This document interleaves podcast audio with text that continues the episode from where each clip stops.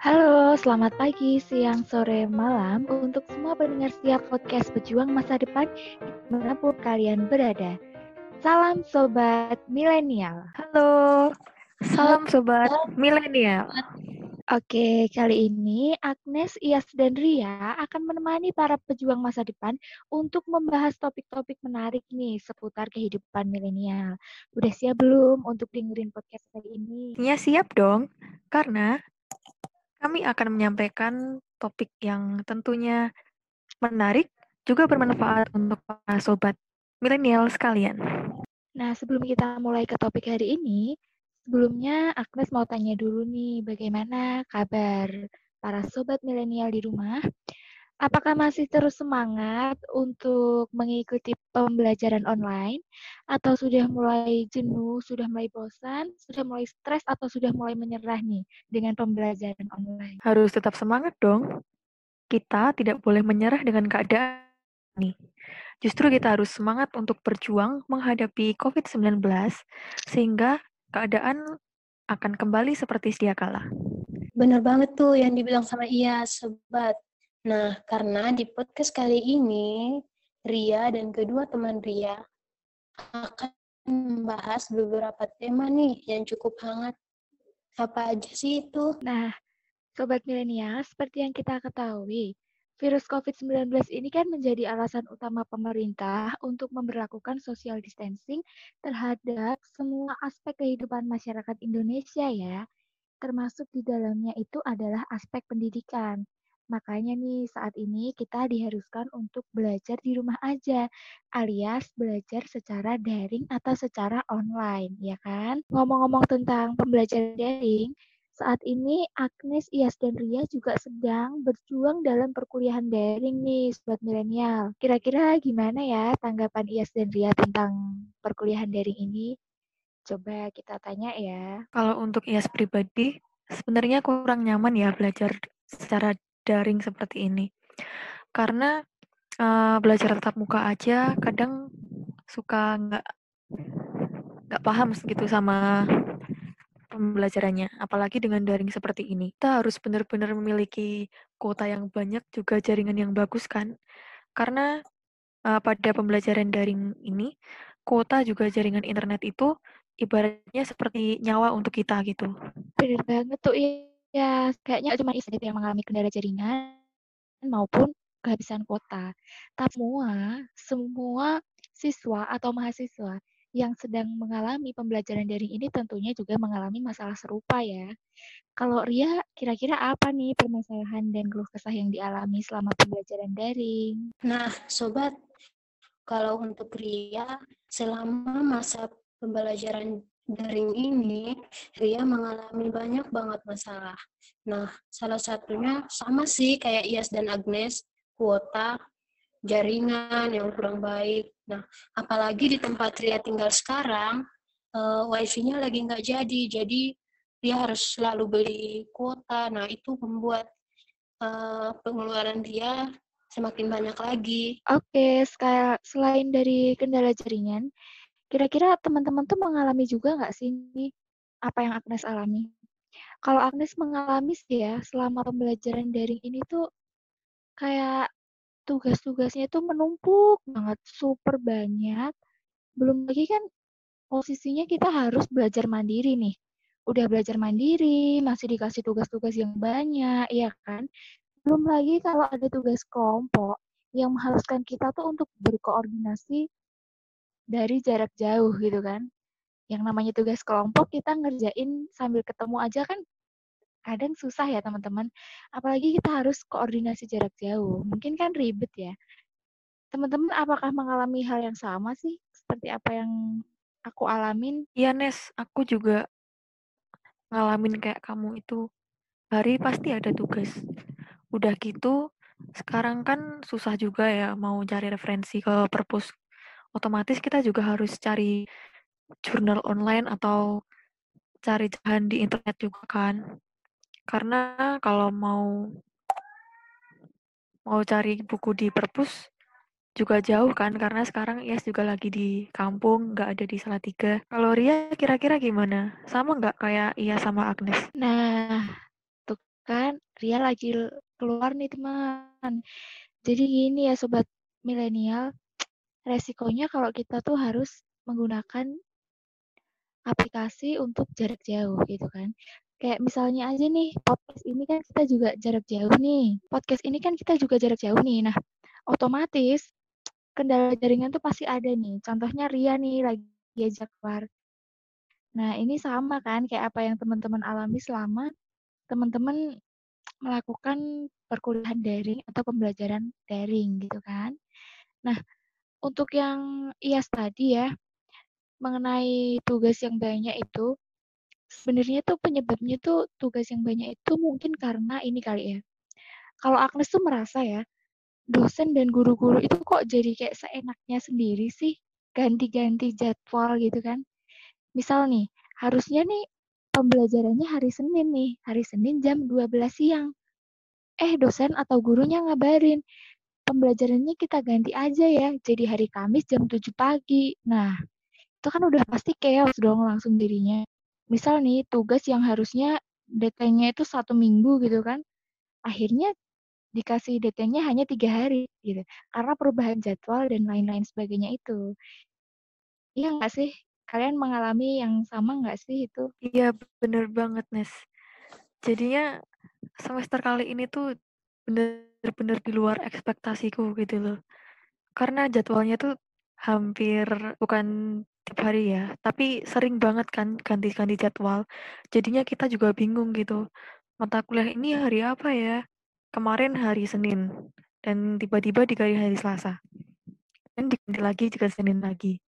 Jadi kan mahasiswa juga bingung gitu loh. Iya tuh, kalau iya sendiri pernah nggak sih kamu tuh kayak salah jadwal gitu, terus jadi kayak lupa absen gitu kan? Karena tuh teman-teman di kelas aku gitu ya, itu tuh jujur banyak banget sih mereka yang kayak ketinggalan absen lah, yang kayak nggak tahu jadwalnya lah. Ya karena itu perubahan jadwal yang kayak seenaknya sendiri gitu loh. Di dari satu pihak kan itu kan. Iya, Nes, aku pernah itu ngalamin tuh sekali. Waktu itu aku telat buka itu kan, buka portal buat mata kuliahnya itu. Ternyata udah habis dong waktunya buat absen. Terus ya udahlah aku mikirnya ya udahlah mau gimana lagi. Tapi untungnya waktu itu uh, dosennya ngasih waktu buat absen lagi sih. Jadinya aku masih bisa mengikuti. Ya kayak gitu itulah ya teman-teman sobat milenial di rumah kira-kira keluh kesah kalian selama pembelajaran daring tuh sama nggak sih kayak yang kita bertiga alamin gitu kan? Nah, eh, pernah nggak sih sobat milenial di rumah tuh merasa kayak ih pembelajaran daring ini kok banget sih, kok menuntut kita ini itu ini itu gitu sih.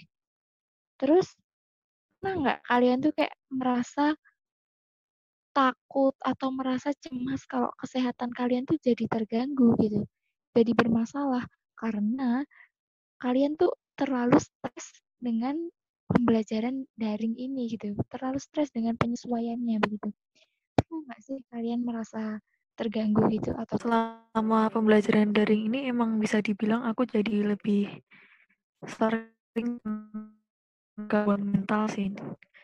Ya karena gimana ya dengan pembelajaran dari itu banyak banget tuntutannya gitu. Udah gitu adalah masalah dari jaringan kuota yang habis jadi aku kayak tiap hari itu ngerasa kepalanya berat matanya juga berat gitu loh jadi yang biasanya aku jarang sakit ini jadi setiap hari sakit. Iya, iya sih, iya. Sama sih. Kayaknya tuh aku juga jadi gampang apa ya, gampang capek gitu kan. Selain kesehatan fisik yang terganggu tuh, yang aku cemaskan ini adalah kalau kesehatan mentalku juga ikut terganggu gitu kan. Karena uh, pembelajaran daring ini tuh kalau kita udah apa ya terlalu sulit untuk mengelolanya, terlalu sulit untuk menyesuaikan tuh akhirnya bermasalahnya nggak cuman ke fisik kita aja loh, nggak cuman ke fisik yang kayak kita capek, kita jadi ngantuk, jadi gampang sakit dan sebagainya tuh nggak hanya itu. tapi juga ternyata berpengaruh ke kesehatan mental kita, gitu kan? Iya, bener banget, Nes. Kadang aku jadi mikir gini loh, kalau COVID-19 itu nggak hanya menyerang fisik kita aja, tapi juga bisa menyerang mental kita. Nyatanya dengan Iya, iya. pembelajaran daring kita sekarang ini, mungkin kita terbebas dari uh, terpapar virus kan, tapi Iya. justru kita malah stres gitu jadinya. Iya sih, benar-benar. Karena tuntutan kita kayak terlalu banyak gitu kan, kayak bener-bener under pressure banget gitu loh, ya kan? Jadi ya itulah yang bikin bahayanya tuh sebenarnya di situ. Kalau masalah fisik itu kan sebenarnya kita ngerasa pusing dikit, makan gitu kan terus udah agak berkurang gitu ya atau tidur itu berkurang gitu kan. Cuman kalau mental itu kan sesuatu yang kita nggak bisa lihat gitu. Jadi mengukurnya itu mungkin agak sulit gitu. Eh BTW ini dari tadi kita ngomong tentang kesehatan mental nih. Kira-kira sobat milenial di rumah tahu nggak sih apa kesehatan mental itu? Coba deh, aku mau tanya nih ke Iya sama Ria nih. Kasih tahu dong untuk sobat milenial di rumah kesehatan mental itu apa sih? Kesehatan mental menurut WHO itu adalah keadaan sejahtera di mana setiap individu bisa mewujudkan potensi mereka sendiri. Artinya, mereka dapat mengatasi tekanan kehidupan yang normal, dapat berfungsi secara produktif, dan bermanfaat serta mampu memberikan kontribusi kepada komunitas mereka. Uh, kalau menurut Ria sendiri gimana? Bener banget tuh, sahabat yang dibilang sama Iyas. Kalau menurut aku sendiri sih, kesehatan mental itu uh, yaitu kita mempunyai kemampuan untuk mengolah stres. Itu aja sih teman-teman yang aku tahu mengenai kesehatan mental itu? Nah, pasti sobat milenial di rumah udah paham kan nih apa yang disebut mental itu. Cuman ya, aku mau tekanin lagi nih untuk sobat milenial. Seringkali tuh kan kita itu punya pandangan yang keliru tentang istilah kesehatan mental itu, gitu kan? Mungkin sebagian orang tuh menganggap kesehatan mental itu terkait dengan depresi yang berat, gangguan kecemasan yang berat, skizofrenia, bipolar gitu kan, yang seakan-akan tuh itu penyakit-penyakit atau yang patologis gitu, yang berat gitu kan. Padahal iya, sebenarnya iya. enggak loh. Iya kan? Pasti pada berpikir gitu kan awalnya. Padahal tuh sebenarnya kesehatan mental atau mental wellness tuh istilahnya tuh nggak seperti itu, teman-teman.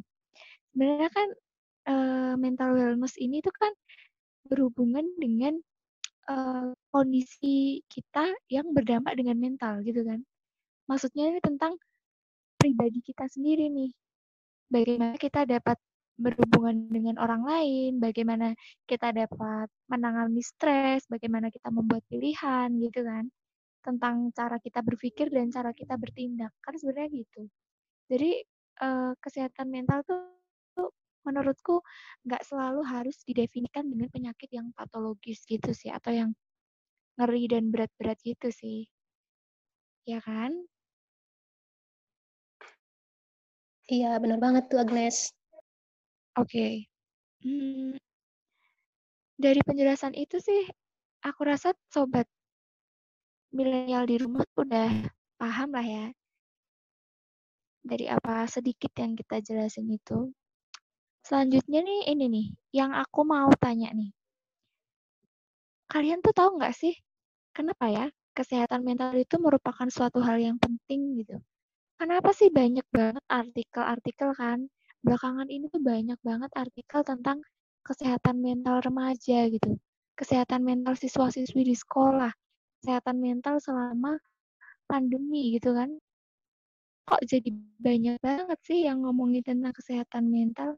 sepertinya kesehatan mental ini topik yang menarik gitu. Nah, kira-kira kenapa sih? Apa pentingnya kesehatan mental itu gitu? Kalau menurut Iyas gimana sih? Apa sih pentingnya kesehatan mental? Kalau menurut aku ya, kesehatan fisik dan mental tuh sangat sangat mempengaruhi. Apalagi sekarang kan gak sedikit juga penderita gangguan mental yang cenderung depresi dan memilih untuk mengakhiri hidupnya aku kalau dengar ada berita orang bunuh diri karena depresi itu benar-benar miris gitu rasanya. Ngeri gitu sih ya, emang. Karena kan sebenarnya itu bisa ditangani gitu kan, Iyas? Iya, bener banget. Uh, sobat milenial, kalau misalnya kalian punya masalah psikologis, kalian jangan diemin ya.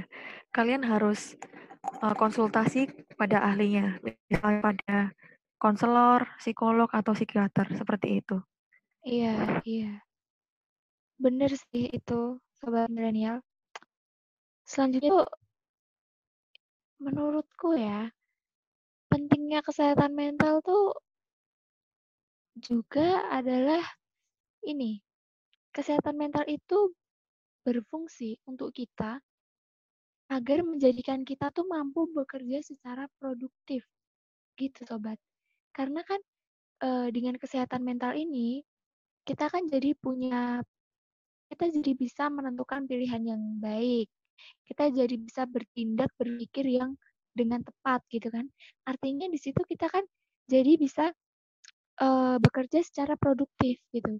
Otomatis ini tuh berkaitan dengan yang pembelajaran daring tadi. Nah, kaitannya di mana sih gini kalau menurutku? Kalau menurutku sih uh, karena kita selama pembelajaran daring ini kan kita dituntut untuk punya produktivitas yang tinggi. Dituntut untuk harus bisa ini, harus bisa itu, ininya harus bisa multitasking lah, ya kan? Nah, cara kita untuk bisa multitasking itu dengan apa? Ya dengan produktivitas kita yang tinggi.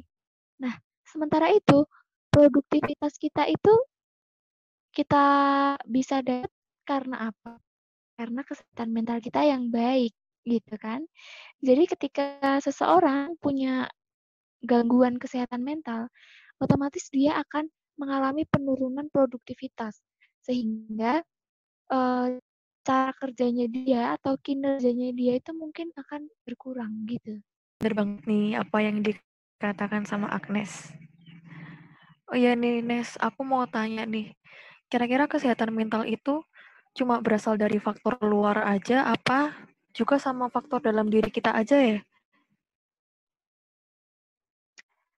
Wah, kalau menurut sih dua-duanya ya Yas ya. Karena kan gini nih, faktor dari luar tuh apa nih kalau menurut kamu? Penyebab gangguan mental yang dari luar nih? Faktor dari luar mungkin ya kayak kita ini ya banyak tekanan karena tugas-tugas uh, kita betul. Itu kan. Iya, iya. Terus kalau faktor dari dalam apa nih? Nah, kalau menurutku kesehatan mental itu tuh dia uh, kalau kita mengalami gangguan kesehatan mental itu tuh karena dua faktor sobat milenial. Yang pertama itu adalah faktor dari dalam. Dari dalam kayak yang disebut tadi eh itu faktor dari luar maksudnya ya. Nah, faktor dari luar tuh kayak yang disebutin Ias tadi tuh, misalnya tuh banyak tugas, terus tuntutan pekerjaan, segala macam segala macam gitu kan. Sementara kalau faktor dari dalam tuh ya dari diri kita sendiri. Pengelolaan kita yang kurang baik, pengelolaan diri kita yang kurang baik, terus manajemen stres kita yang juga kurang tepat gitu kan akhirnya jadi kita tuh mengalami itu tadi mental breakdown yang akhirnya bikin kita mengalami gangguan kesehatan mental gitu. Gitu sih kalau menurutku. Kalau ya sendiri gimana nih tanggapannya tentang kesehatan mental? Aku setuju sih Nes sama pendapat kamu tadi. Nah, jadi sobat milenial dengan penjelasan Agnes tadi, kita jadi semakin paham kan tentang kesehatan mental itu. Kesehatan mental itu berasal dari tekanan dari luar, tapi juga dalam kita. Sekarang mau tanya nih sama Ria. Ria, kamu punya tips gimana caranya untuk menjaga kesehatan mental? Oke, sobat milenial. Kalau menurut Ria sendiri, uh, tips atau cara untuk menjaga kesehatan mental kita itu ya pertama ya ciptakan rutinitas ya kalau buat Ria sendiri, Ria selalu olahraga, gitu. Pokoknya melakukan aktivitas-aktivitas kecil lah. Nah, kalau yang sering kali Ria lakukan itu, yaitu palingnya ya teleponan ya sama orang tua, sama keluarga. Karena kan kalau kayak gitu bisa menghibur juga. Bisa membantu Ria untuk menghibur diri selama masa pandemi ini gitu. Gitu aja sih kalau Ria. Kalau Agnes sendiri gimana, Nes? Kalau aku tuh gini sih, Iyas. Uh, tadi kan dibilang kalau gangguan kesehatan mental tuh faktor pengaruhnya dari luar dan dari dalam kan. Kalau aku sih lebih memina, meminimalisir tuh gangguan yang dari dalam, artinya dari, dari diriku sendiri. Kadang tuh ya, kalau aku buka Instagram, terus aku buka Facebook, buka Twitter, dan lain sebagainya tuh pertama kali yang keluar itu adalah berita tentang COVID-19. Misalnya nih, positifnya kasus positif udah segini, yang meninggal udah segini gitu. Karena ke pasar jadi kena COVID gitu kan. Nah, itu kan jadi bikin kita tuh beban ya. Sedikit banyak pasti itu membebani pikiran kita. Makanya aku tuh berusaha untuk uh, mengelola mengelola diri aku, mengelola pemikiran aku itu dengan mencari informasi-informasi terpercaya mengenai COVID-19 gitu. Jadi jangan sampai aku tuh termakan berita hoax yang akhirnya tuh membebani pemikiranku gitu. Nah, aku mau kasih saran nih untuk teman-teman sobat milenial di rumah nih. Uh, buat sobat milenial yang apa ya, yang sekiranya butuh informasi terpercaya mengenai COVID-19, coba deh sobat milenial itu bisa akses di situs covid19.go.id.